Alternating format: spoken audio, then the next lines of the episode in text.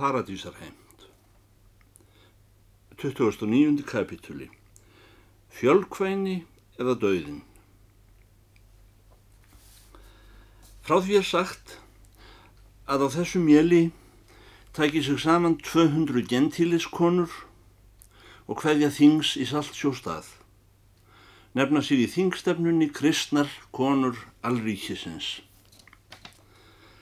Þessar konur töldu helgir menn vera af húsi og ættborg hins mikla fráfæls. Konurnar sem raunar hafðu aldrei fengið ofinberun sjálfar skora nú fast á allríkisting bandaríkja í Norður-Ameríku að láta til skara skrýða gegn þeirri kirkju er sig taldi fara með umbóði Guðs og skora á stjórn allríkisins að láta eigi undir höfðu leggjast að svifta fjölkvænismenn, mannhelgi og afnema lög og reglu sem dýrlingar höfðu sett á meðal sín. En sögðu þær svo í skjali þessu að svo skoðun að margar konur skildu vera um einn karl væri ógvöðleg með því Guð hefði skapað Adami búnda eina efu en ekki margar. Á fundi þessum sem haldin var í einni af kirkjum hins mikla fráfalls er þá voru risnar í borginni, voru haldnar ofsafullar og gráthrungnar tölur af hálfu kvenna úr einkvænis hjónaböndum er þær kröfðust frelsis til handa konum er byggu við fjölkvænis hjónabönd. Heimtuðu þær af bændum sínum og öðrum engvænisbændum með stóri orðgnótt að þeir letu setja þá bændur undir lás og slá sem ættu margar. Sumar lögðu til að beittir því sérkennilegri engilsaksneskri skrokkstjóðu uh, kallaðri tjörgun og fyrrun tjörgun og fyrrun við þá bændur sem elskuðu fleiri neina konu og svo húsfreyjur þeirra.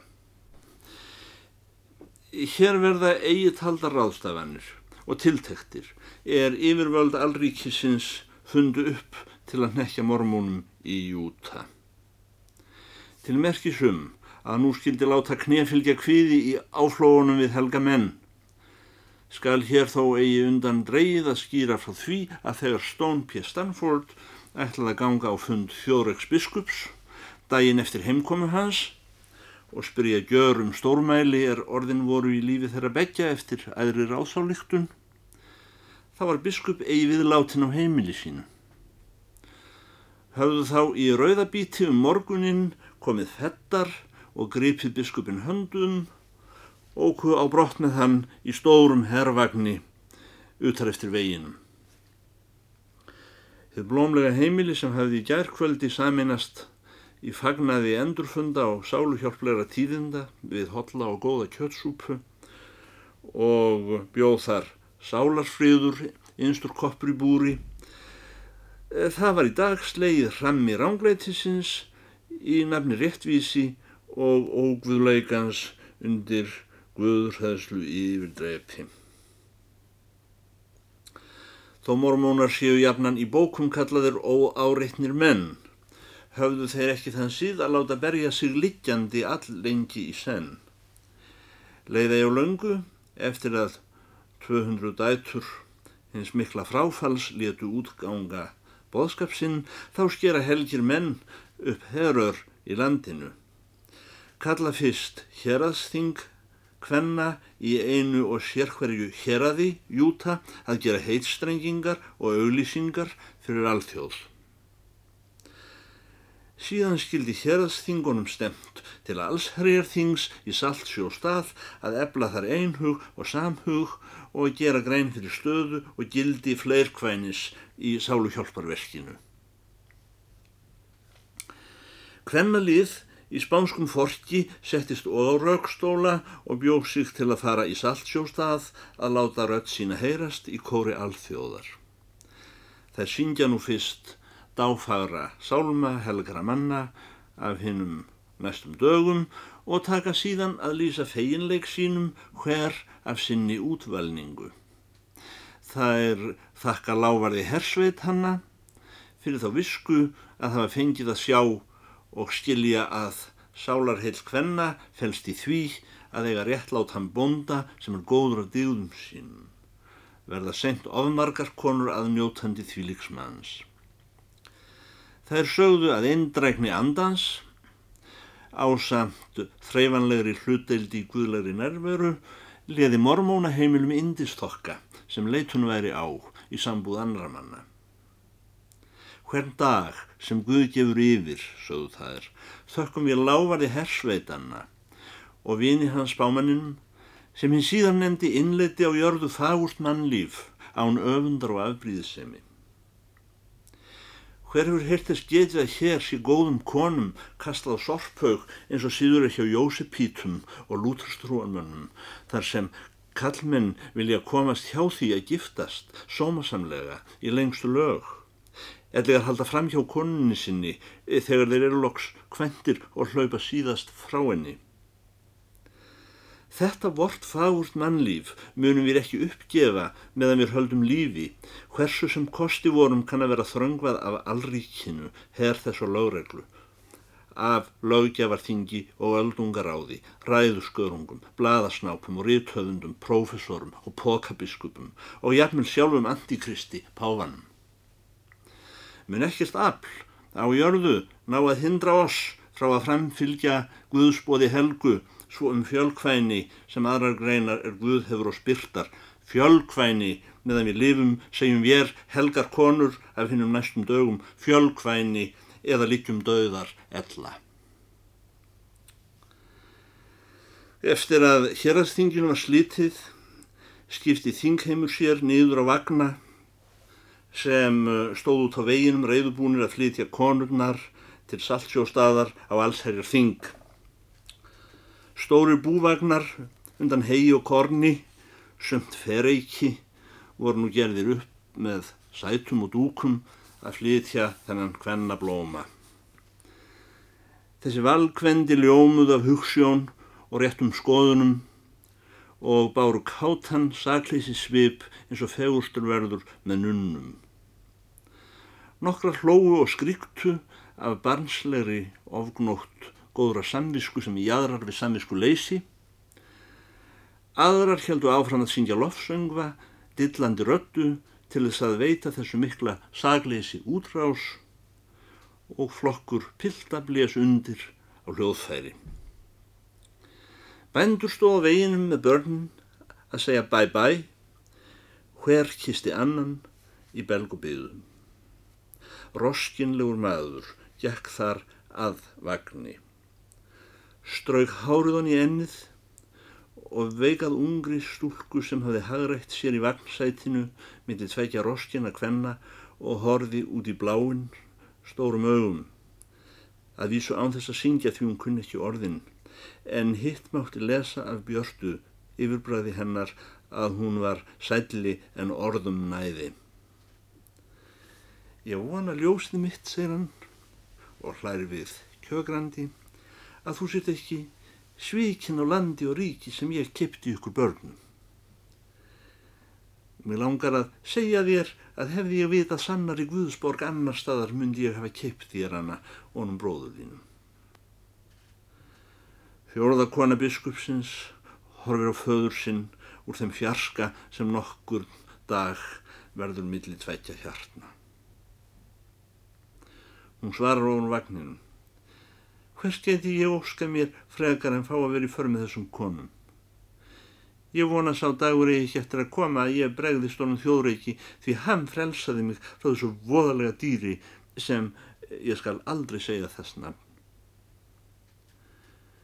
Segði ekki meir um það kvíkindi, sá er sæl sem lausi það, sagði Madama Colornei, hún satt hinum megin við fjóruðukonu.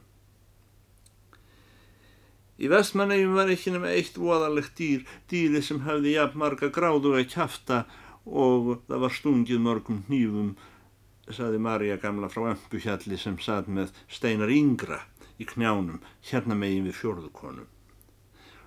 En þessi blinda kona bætti við. það fólk sem ég ólst upp hjá í vestmannegjum hafði aftur á móti himnaríki í sjálfu sér hvar sem það var statt og jafnvel þó það hengi niður á sextugu að síga fyrir fuggl, þá var það heima hjá sér í Guðsborg Síjón. Hott hott og fyrsti smellur af keiri. Fórustu vagnin er komin á reyfingu og sen er lestin öll farin á stað með kvemmfólkið og tónlistina. Karlmenninir dróðu með sér börnin, hlupu fram með góðastund, veifandi höttum sínum til hverju, sumir með gamanirðum, aðrin með fyrirbænum, en dróðust fljótlega aftur úr. Konurnar veifa klútum sín úr vögnunum hlæjandi og syngjandi undir hornablæstrinum og ríkið þyrlast upp á veginum. Smátt og smátt gáðust karlarnir upp á að hlaupa á eftir og veifa og þegar komið var út í bæjarjæðarinn voru allir snúnir heim nema einn.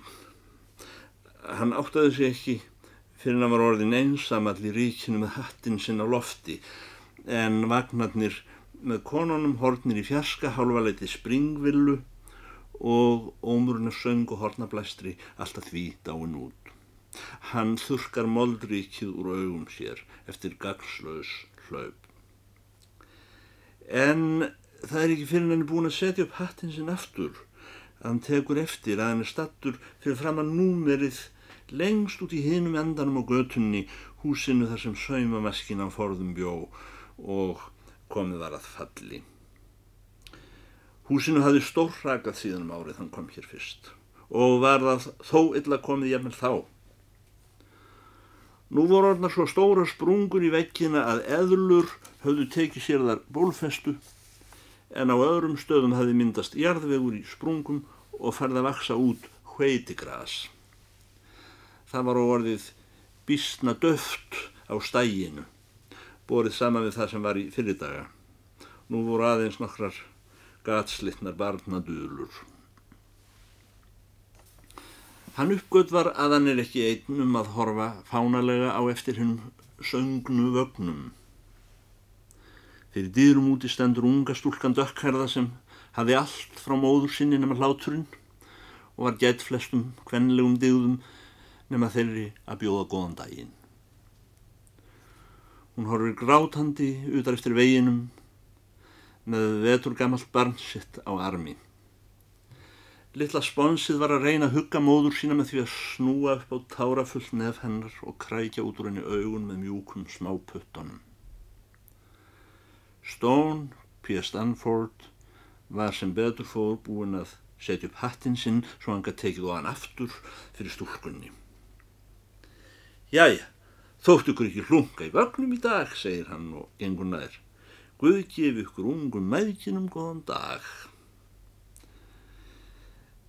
Eh, það hefði ekki verið þrifað kringum húsið þetta árið og líklega ekki 20 ári endar. Það var makalust hvað Salvíja brúskurinn og Tamaríksið dafnaði að miklum eldmóði í þessum hlaðvarpa og yfirleitt allt það illgresi sem fær þróast í eðimörk. Sumstaðar hafi adóbímulningurinn fallið eins og skriða úr húsveggjónum. Það var búið að slá fjölum fyrir þá glugga sem sneru að göttunni. Fyrir margt löngu hefði þessi bryggleikjari dreigist á við konuna að ditta að húsi hennar. Sjaldan hefði ádráttur verið jafn að ræklega svíkin. Múrsteinarnir sem hann hefði ekið til hennar á barnavagni þegar hann kom í orlofsitt sætlarminningar, þeir stóðu enn í hlaða eins og hann hefði stakkað þeim, nema langt til soknir í grasi og brúsk. Hann rétti út höndina í áttina til stúlkunnar og stúlkan þurkaði framann úr sem er lófanum fyrst, rétti síðan gestinum höndina blöta af sorg. Síðan klappar hann sveininum og ennið og kjökullæðir. Eitthvað leika ekki allir á allsotti í Guðsburg síjón í dag. Skildum að þó hafa haldið annað, segir hann. Hvað myndir nú svo sem verið að gera við því? Við erum Jósepítur og megum ekki kæra, saði stúlkan og held áfram að gæra. Æ, hefðu þið leitað til mín. Ég hefði óðar út við okkur pláss. Við hliðin á henni dóttur minni að launum fyrir allt besta kaffið, saði hann. Þó ég kunna vera svikull og lofa upp í ermina mína, þá hefði verið hægur nærri fyrir ykkur að ámálga það við þann sem er ykkur lang, langstæðari og raunbetri vinur en þessi kútur undan hlýðunum. Hann ronki, sagði þessi yfir hráslagalega stúlka. Þú heldur þó ekki að hann ráði yfir plási sem svari undir hvernmanns botn. Það eina sem hann getur er að negla spítum fyrir glukkana hjá okkur þegar strákarnir eru búin að kasta inn um þá gróti. Hann hefur nefnilega fengið vanan við þess áttar smíðar í lútarstrúarkískjunni. Ekkert fyrir það sinni að saði bryggleikjarinn og margar rúður eru farnar. Þegar ég líti á þetta herfvirki þá tekur það mig einn sárt og ég hefði unnið það sjálfur. Eins og fyrir rítað stóð ekki saumamaskinan á miðju gólfi lengur. Heldur satt saumakonan borgi grátbólkin við glugga á baklið húsins og var að stakla með nál og enda. Hurðirnar sem höfðu verið svo vandlega aftur hér í húsinu áður fyrr, þær voru ekki aðeins af hjörun, heldur hornar með öllu. Og hvað hafði orðið af skápunum þar sem hangið höfðu hámóðins ný englands kjólar, sælir og flegnir eins og maður veri komin aftur á brjóst. Konan horfi á gestin þessum svipmiklu augum innan úr myrkrum djúpsins, þrútnum á gráti. Nú langt líðið, saði hann. Hann strauk ósýnilegt hárið niður eftir enninu að vanda sínum og fann hattinum sínum stað á gólfinu, í horni. Áðurnar rétti konunni höndina. Kondur sæl og blessuð, frú Þorbjörg mín. Það er valla von þú munir eftir þessum kút sem veit ekki einu sinni sjálfur hvaðan heitir lengur og því síður hvaðan hann er. En svo var tíð, þú færði mér bæði mikið og gott kaffi. Guðs ást fyrir það kaffi, endur tók hann stansissa eins og hann hefði sjaldan heyrt meiri fjärstaðu. Það mann sá þó enn betur sem ekki let svaradrykk ólaunaðan, saði hann. Já, það er satt, saði konan. Ég þakkaði líka fyrir múrstinin sem þú ógst hingað í barnavagnin.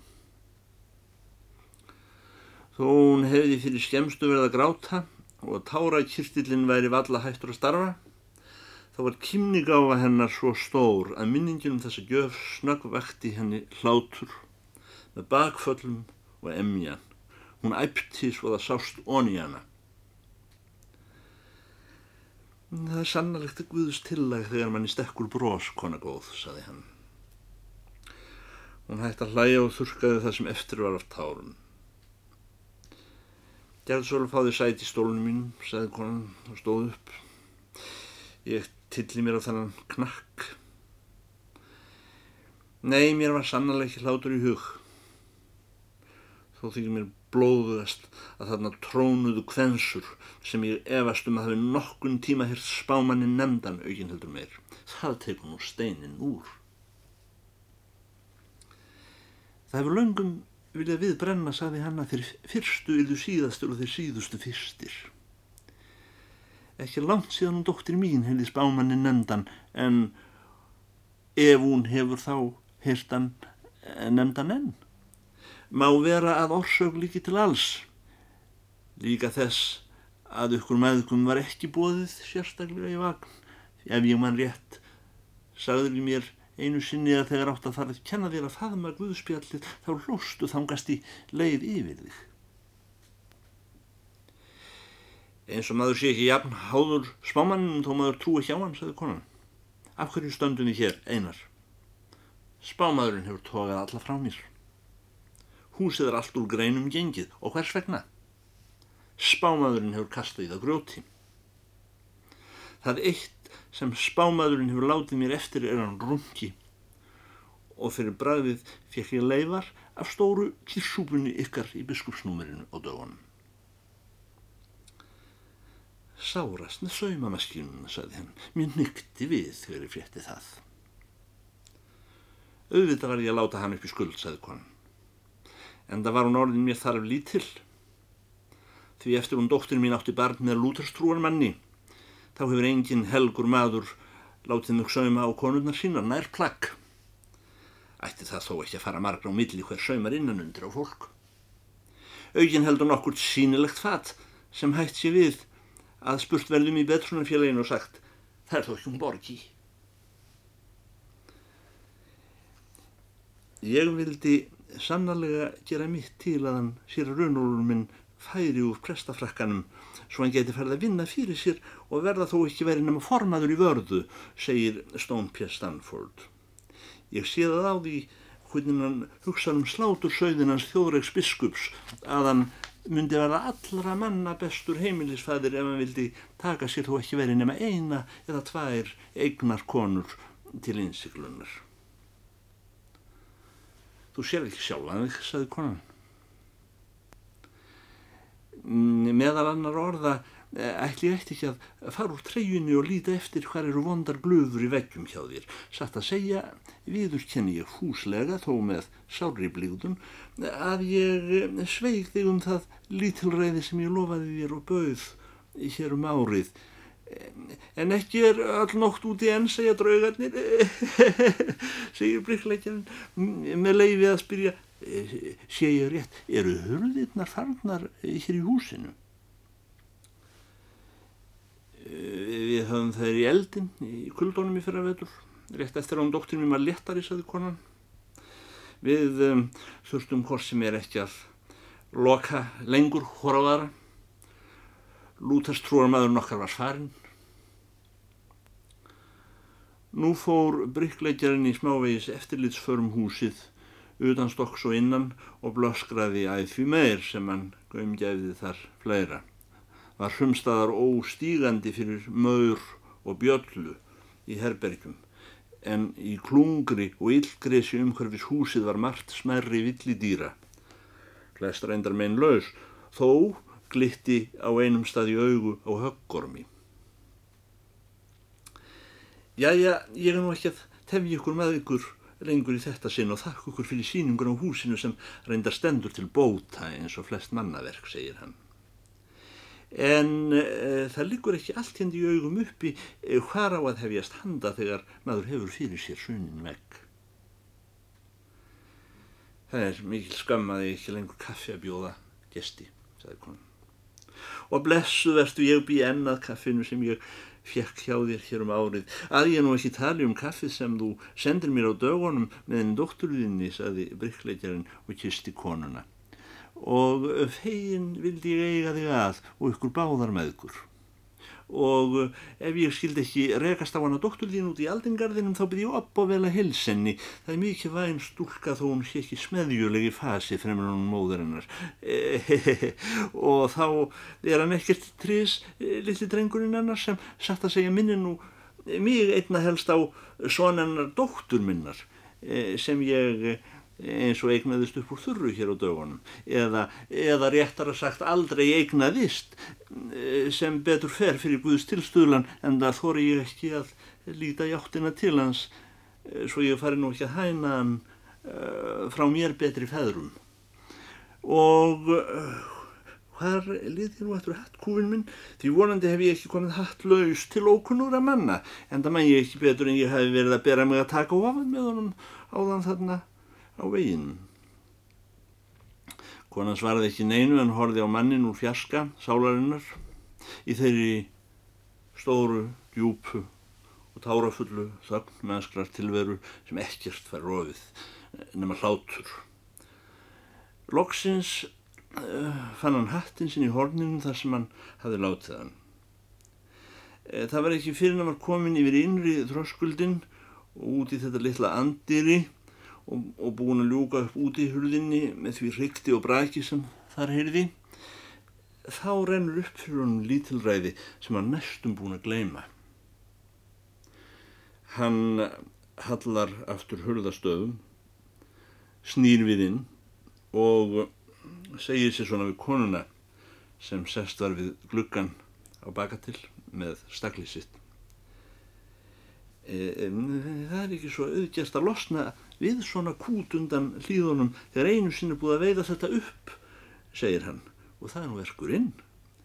En e, þegar ég líti á húsi hvað það er reist úr óvönduðu adóbi og strákar búin að brjóta inn á ykkur gluggana og hurðirna löngu komnar undir ketilin og, og saumamaskina sem Runolur prestur marg sannaði mér að væri til marg sem Sigur Alheims viskunar hér í spanskum fólki.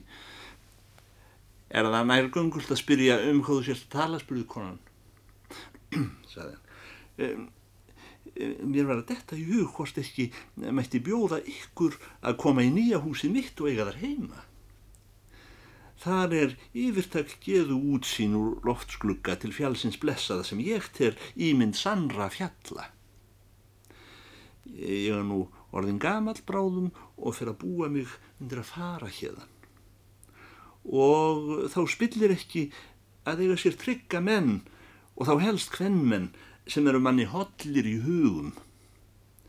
Ég læt ykkur þá í móti hafa innsikli sem konur þurfa að hafa á himnum.